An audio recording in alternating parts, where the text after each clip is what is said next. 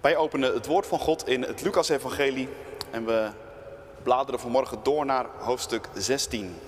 Hoofdstuk 16, de eerste 13 versen. Horen wij het woord van God. Hij, Jezus, richtte zich ook tot zijn leerlingen.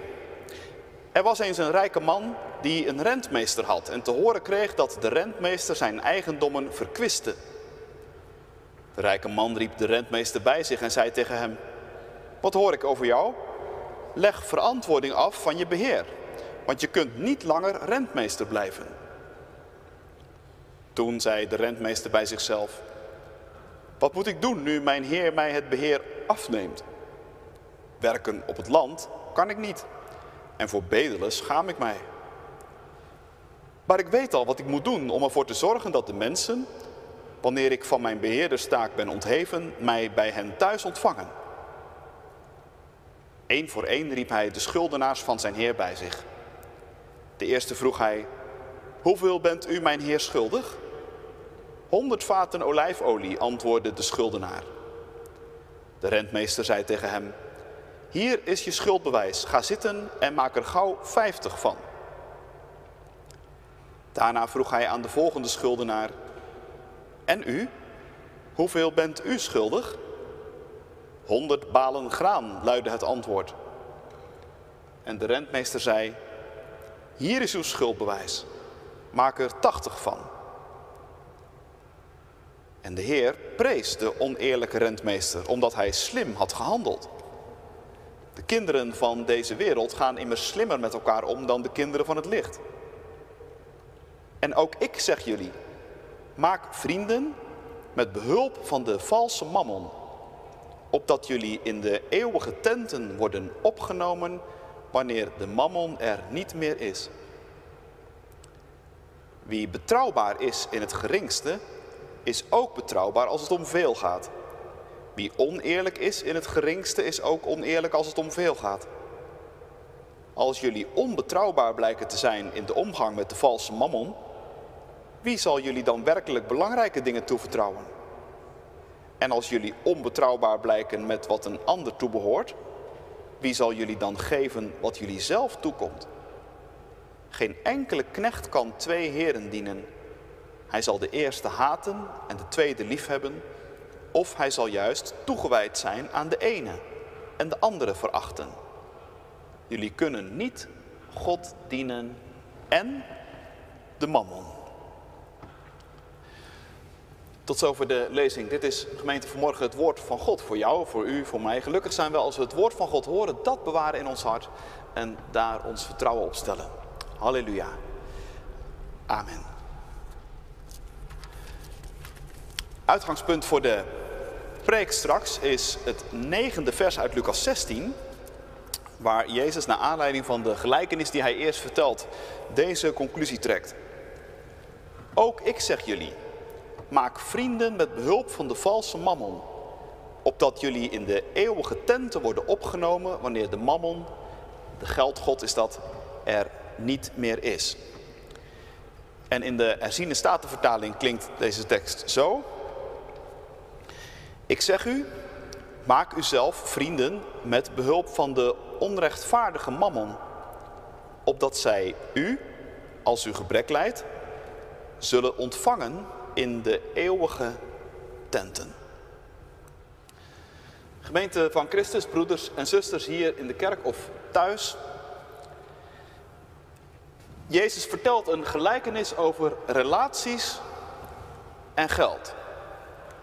En dat in één verhaal. Ik kan me voorstellen dat je denkt, hoe kan dat? Want geld en relaties, dat gaat toch heel moeilijk samen. En toch, Jezus knoopt ze aan elkaar. En hij drijft het zelfs helemaal op de spits, zo lijkt het. Want wat horen we hem zeggen als de gelijkenis afgelopen is? Maak vrienden met behulp van de onbetrouwbare mammon. Dat klinkt toch wel als een hele aparte opdracht. Om niet te zeggen een verdachte opdracht. Wat bedoelt Jezus precies? Hij wil toch niet zeggen dat, dat vriendschap met, met geld te koop zou zijn? Maak vrienden. Daar begint het mee. En dwars door de hele gelijkenis heen is dat blijkbaar een rode draad. Vriendschap, relaties, sociale netwerken. Hoe spelen die nou in dit verhaal een rol? Nou, als je wat inzoomt, dan merk je dat deze gelijkenis eigenlijk één groot web van relaties veronderstelt. En de spin in het web is een rentmeester. Om die figuur een beetje te kunnen plaatsen, moet je iets weten van hoe de economie werkte in de tijd van Jezus. En jongens en meisjes, in de tijd dat Jezus liep, rondliep op de aarde, was het een tijd waarin in Israël steeds meer grond, steeds meer bezit in handen kwam van steeds minder mensen. En veel kleine boeren raakten door Romeinse wetgeving in die tijd hun eigen land kwijt. En ze kwamen te hangen onder een grote heer. En aan die heer waren ze belasting verschuldigd, pacht. Een deel van de opbrengst van het land vloeide zo rechtstreeks naar zijn schatkist. En om dat allemaal te regelen, hadden zulke heren rentmeesters in dienst. Ze deden dat natuurlijk niet allemaal zelf, maar ze hadden figuren die tussen hen aan de ene kant en de pachters aan de andere kant instonden. En in de gelijkenis van Jezus komt een van die rentmeesters in de problemen. Want er gaan verhalen rond dat hij zijn boekhouding niet goed op orde heeft. En dat is zijn baas ter oren gekomen. Hij wordt op kantoor geroepen en de heer zegt: Hé, hey, wat hoor ik nu over jou? Eh, leg eens even uit, wat doe jij met mijn eigendommen? Als de geruchten die ik over je hoor kloppen, dan ben je bij deze ontslagen. En dan volgt er een fascinerend stukje. Want de rentmeester gaat in gesprek, maar hij gaat in gesprek met zichzelf. Niet met zijn heer. Hij gaat zich niet verdedigen, zeggen dat de geruchten niet kloppen. Hij vraagt niet om een tweede kans. Nee, niks van dat alles. De kans is dus heel groot dat hij niets te verdedigen had. Dat de geruchten inderdaad klopten. Dat de boekhouding inderdaad niet op orde was. En dat ontslag op staande voet niet meer dan logisch was. De rentmeester beseft goed dat hij zich in de nesten heeft gewerkt. En hij vraagt zich af, wat moet ik nou nog doen? Want voor eh, werken met mijn handen ben ik niet geschikt. En voor bedelen, daar moet ik niet aan denken. Daar schaam ik me voor.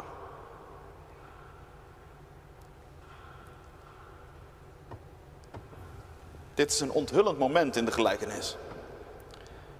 Want deze man beseft ineens dat zijn ontslag veel meer betekent dan het verlies van zijn baan. Wat veel erger is, ineens beseft hij dat hij eigenlijk geen vrienden heeft, geen netwerk. Ik moet ervoor zorgen dat mensen mij thuis nog willen ontvangen, zegt hij tegen zichzelf. En hij beseft blijkbaar dat dat niet zomaar vanzelf goed gaat komen.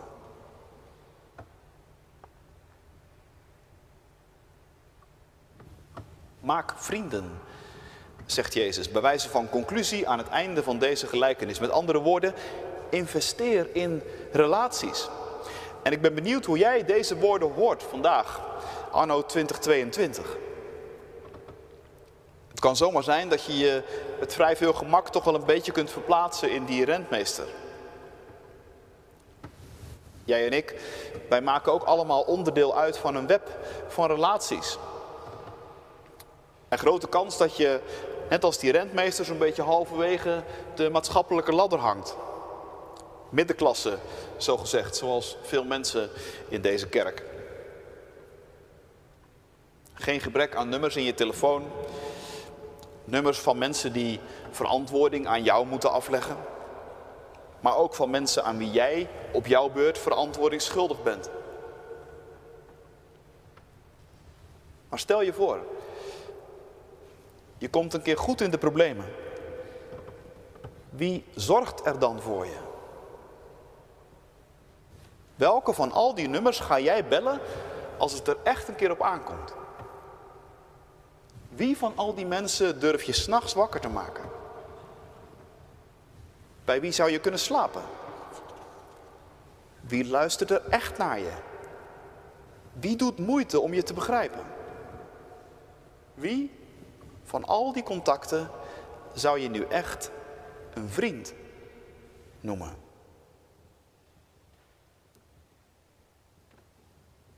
Ik denk, Jezus' oproep om werkelijke vrienden te maken is ook anno nu zeker geen overbodige oproep. Ik herinner me een moment tijdens mijn studie. Voor het vak diaconaat moesten wij stage lopen in de daklozenopvang. Die zat toen nog in de Katerijnensteeg. En denk niet, zei een van de medewerkers toen tegen mij, denk nou alsjeblieft niet dat hier allemaal kansloze figuren rondlopen. Hier zitten mensen tussen met een goede opleiding, die een prima baan hadden. Maar de combinatie van baanverlies en bijvoorbeeld echtscheiding, die kan ervoor zorgen dat je ook in dit land binnen zes weken op straat staat. Ik ben dat nooit meer vergeten.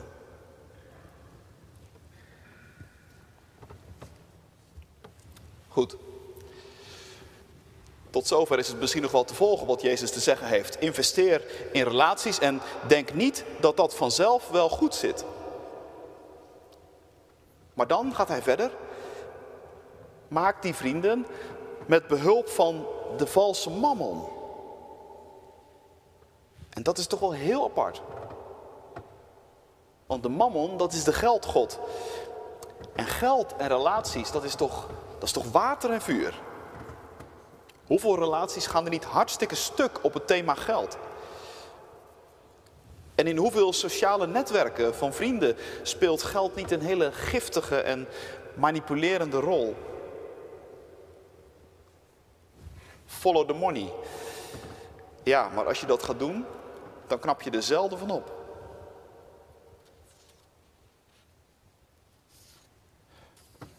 Om deze woorden van Jezus toch goed te kunnen begrijpen, moeten we nog een keer naar de gelijkenis kijken. Want ik zei het al aan het begin, deze gelijkenis gaat niet alleen maar over relaties, maar ook over geld.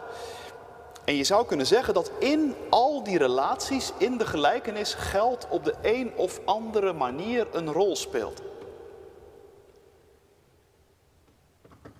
Neem bijvoorbeeld de relatie tussen de rentmeester en zijn heer. Dat is een arbeidsrelatie. De rentmeester ontvangt salaris voor het werk dat hij doet. Maar, zo blijkt, dat salaris is hem te mager. En deze rentmeester heeft zo zijn maniertjes gevonden om aan het einde van iedere maand net iets meer op zijn eigen rekening te krijgen. Wat precies en hoe, dat laat de gelijkenis open. Laat de rentmeester de pachters te veel betalen? Of zit dat op zich wel oké, maar krijgt zijn heer gewoon niet alles wat hij zou moeten krijgen? We krijgen het niet te horen. Maar dat de rentmeester een creatieve boekhouder is, dat staat als een paal boven water. En niet alleen wat inkomen betreft is hij creatief. Hij weet het ook heel goed uit te geven. Er staat dat hij het eigendom van zijn baas verkwiste. En dat is een opvallend woord dat Lucas maar twee keer gebruikt. Hier en in het verhaal hiervoor. Over de gelijkenis van de verloren zoon. Die het fortuin van zijn vader in een ver land verkwiste. Over de balkjoeg. Een reisje hier misschien. Een dineetje daar. Verbouwingje zus. Feestje of auto zo. Allemaal leuk. Maar nu zijn Heer erachter komt, zit hij in de problemen. Geld maakt zelden langdurig gelukkig.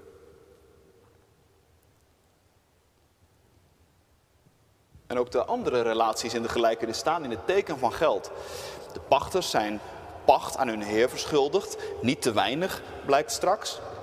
Goed mogelijk dat ze daar ontzettend hard voor moesten werken. Landheren waren lang niet de makkelijkste.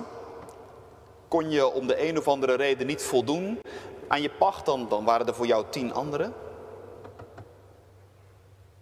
De band tussen heren en pachters was maar zelden een echte warme band. En dat gold ook voor de band tussen de rentmeester en de pachters. De rentmeesters, dat waren de loopjongens van de Heer. Zij moesten zorgen dat de pachters aan hun verplichtingen voldeden. En al het geklaag en al het gedoe, zij kregen het als eerste over zich heen. Dat is de ene kant. Maar er is nog iets. Geld speelt in deze gelijkenis nog een heel andere rol. En dat maakt deze gelijkenis zo fascinerend. Die valse mammon, zoals Jezus het zegt, die blijkt niet alleen maar relaties onder druk te kunnen zetten, maar die blijkt ook het verschil te kunnen maken. Kijk maar naar wat die rentmeester doet. Als blijkt dat hij ontslag krijgt en hij maakt zich zorgen over hoe stabiel zijn netwerk is en wie hij echt een vriend zou kunnen noemen, dan bedenkt hij dat hij ook nu met geld verschil kan maken. En één voor één roept hij ze bij zich. Laat hij de boekhouding aanpassen. 100 vaten olijfolie, maak er maar 50 van. 100 balen graan, maak er maar 80 van. En met één pennenstreek is het geregeld.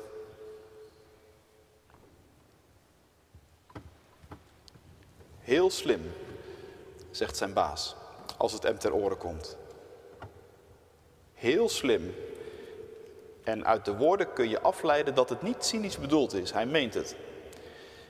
Dit is een hele strategische zet van deze rentmeester. Waarom? Omdat hij zijn heer ermee in een heel lastig pakket brengt. Als de Heer de situatie terug zou draaien en zou zeggen: niks ervan, geen 50, gewoon 100. Geen 80, nee, gewoon 100. Dan zou dat opstand betekenen bij de pachters. En dat kan zelfs deze Heer blijkbaar niet gebruiken. En ondertussen is de rentmeester bij de pachters de held van de dag.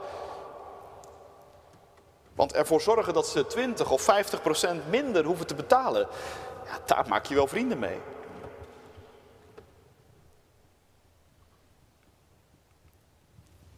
Vrienden.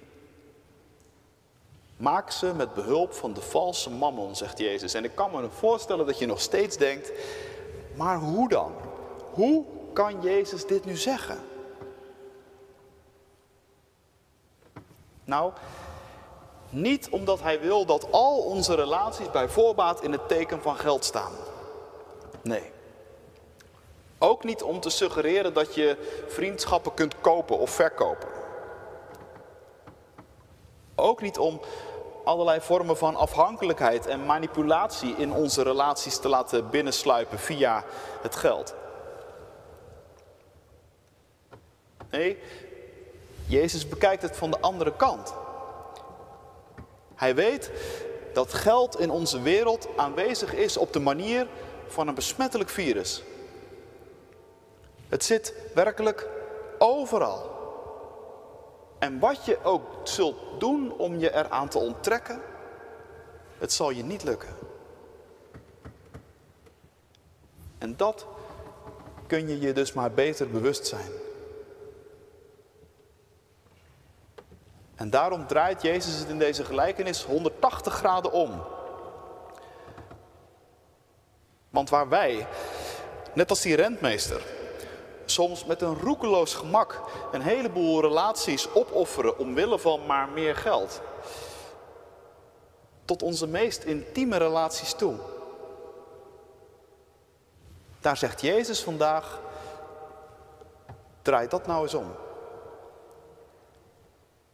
Als je dan toch niet om die valse mammon heen kunt, en dat kan niemand, zorg dan in ieder geval dat je er vrienden mee maakt. Dat je je geld zo gebruikt dat je er relaties mee opbouwt. In plaats van afbreekt.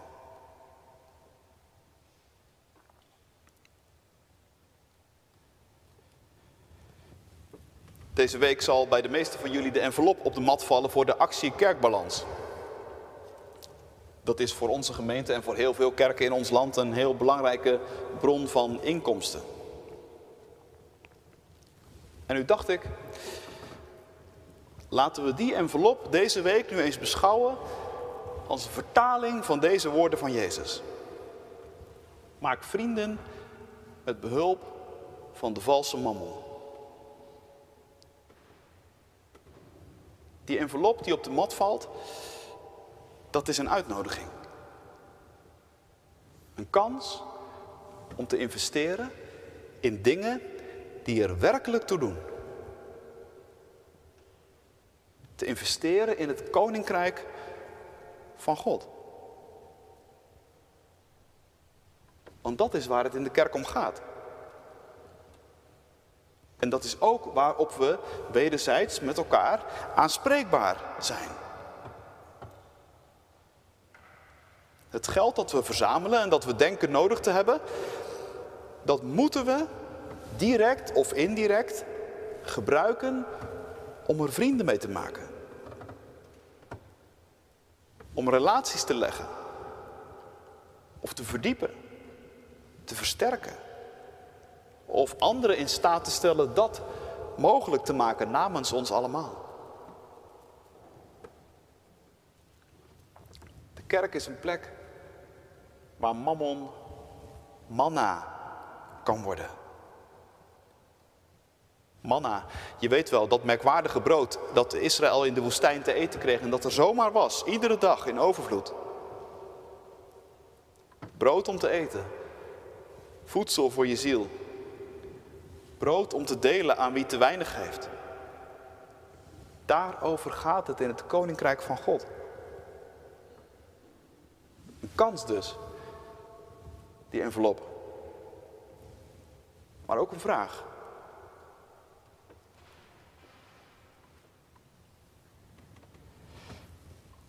De conclusie die Jezus uit deze gelijkenis trekt gaat nog verder. Maak vrienden met behulp van de valse mammon, zegt hij, opdat jullie in de eeuwige tenten worden opgenomen als de mammon er niet meer is. Dat geeft aan deze gelijkenis nog weer een andere, diepere laag. Want ik kan me voorstellen dat je tot nu toe nog steeds dacht, wat is het eigenlijk plat? Waarom zegt Jezus dit allemaal? Ik bedoel, dat relaties bovenaan staan, dat vriendschappen belangrijker zijn dan geld. En dat je met geld heel veel kwaad kunt doen en, en, en ook goed. Ik begrijp het allemaal. Maar een gelijkenis van Jezus is toch meer dan een cursus MBA in één dag. Dat klopt ook. En daarom gaat deze gelijkenis ook veel verder dan dat. Want dwars door deze gelijkenis heen krijg je zicht op het koninkrijk van God. Jezus heeft het over het moment waarop de mammon er niet meer is. Voor Jezus is dus niet de vraag, gaat het systeem een keer omver? Stort de boel een keer in elkaar? Maar wanneer gaat het omver? En dat kan soms sneller gaan dan je denkt. De rentmeester, hij merkte het toen hij in de problemen raakte, dat zijn geld ineens een heel ander soort waarde had. Misschien heb je zelf ooit momenten in je leven gehad waarop je dacht, mijn geld kan me nu even helemaal gestolen worden. Wat ik nu nodig heb is iets heel anders. Wat ik nu nodig heb, dat is een vriend.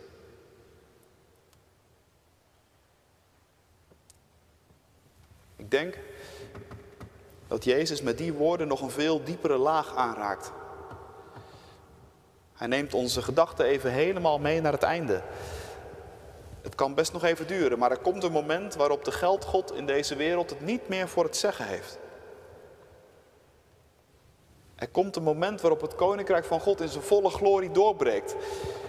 Een moment waarop niet het geld, maar God zelf alles in allen zal zijn.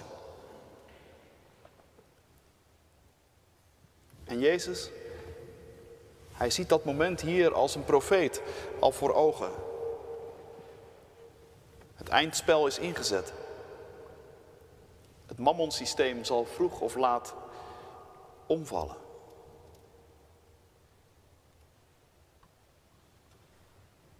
En dan? Maak je vrienden, zegt Jezus, met behulp van de valse mammon, opdat wanneer de mammon er niet meer zal zijn, je zult worden opgenomen in de eeuwige tenten.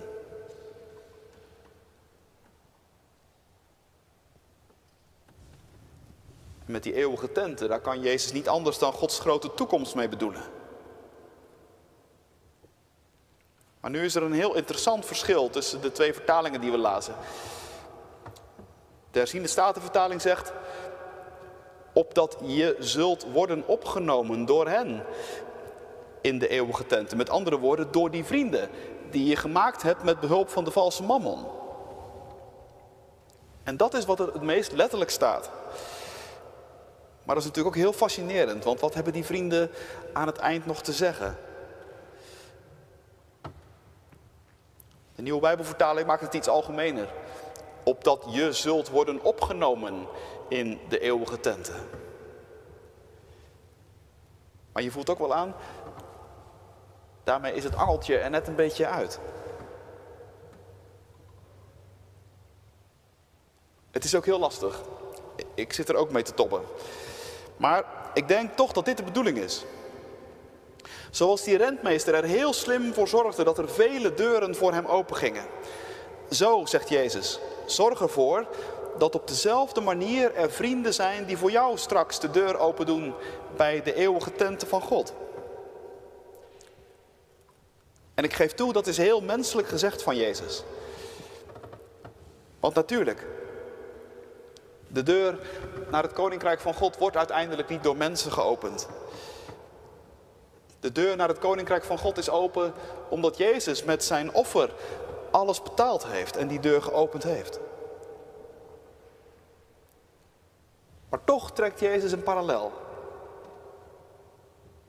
En vraagt hij, zijn er straks mensen die jou welkom zullen heten in de eeuwige tenten? Als jij en ik, wij met elkaar straks voor God staan. Zullen er dan vrienden zijn die zullen zeggen, ik ken hem. Hij heeft geïnvesteerd in mij. Zullen er dan landen en volken zijn die zeggen, die Nederlanders, Heer, die hebben altijd zo gul geïnvesteerd in ons, wij zijn echt vrienden geworden. Of zullen ze zeggen, zo zuinig als die lui altijd waren. Eerst haalden ze onze mensen weg en verhandelden ze als, als slaven. Later kwamen ze voor onze bodemschatten. En weer later kregen we het afval terug en werden we een dumpplaats. Dat is de scherpte van deze vreemde woorden, denk ik. Zullen er vrienden zijn die ons bij de deur begroeten? Of zullen ze ons wegkijken?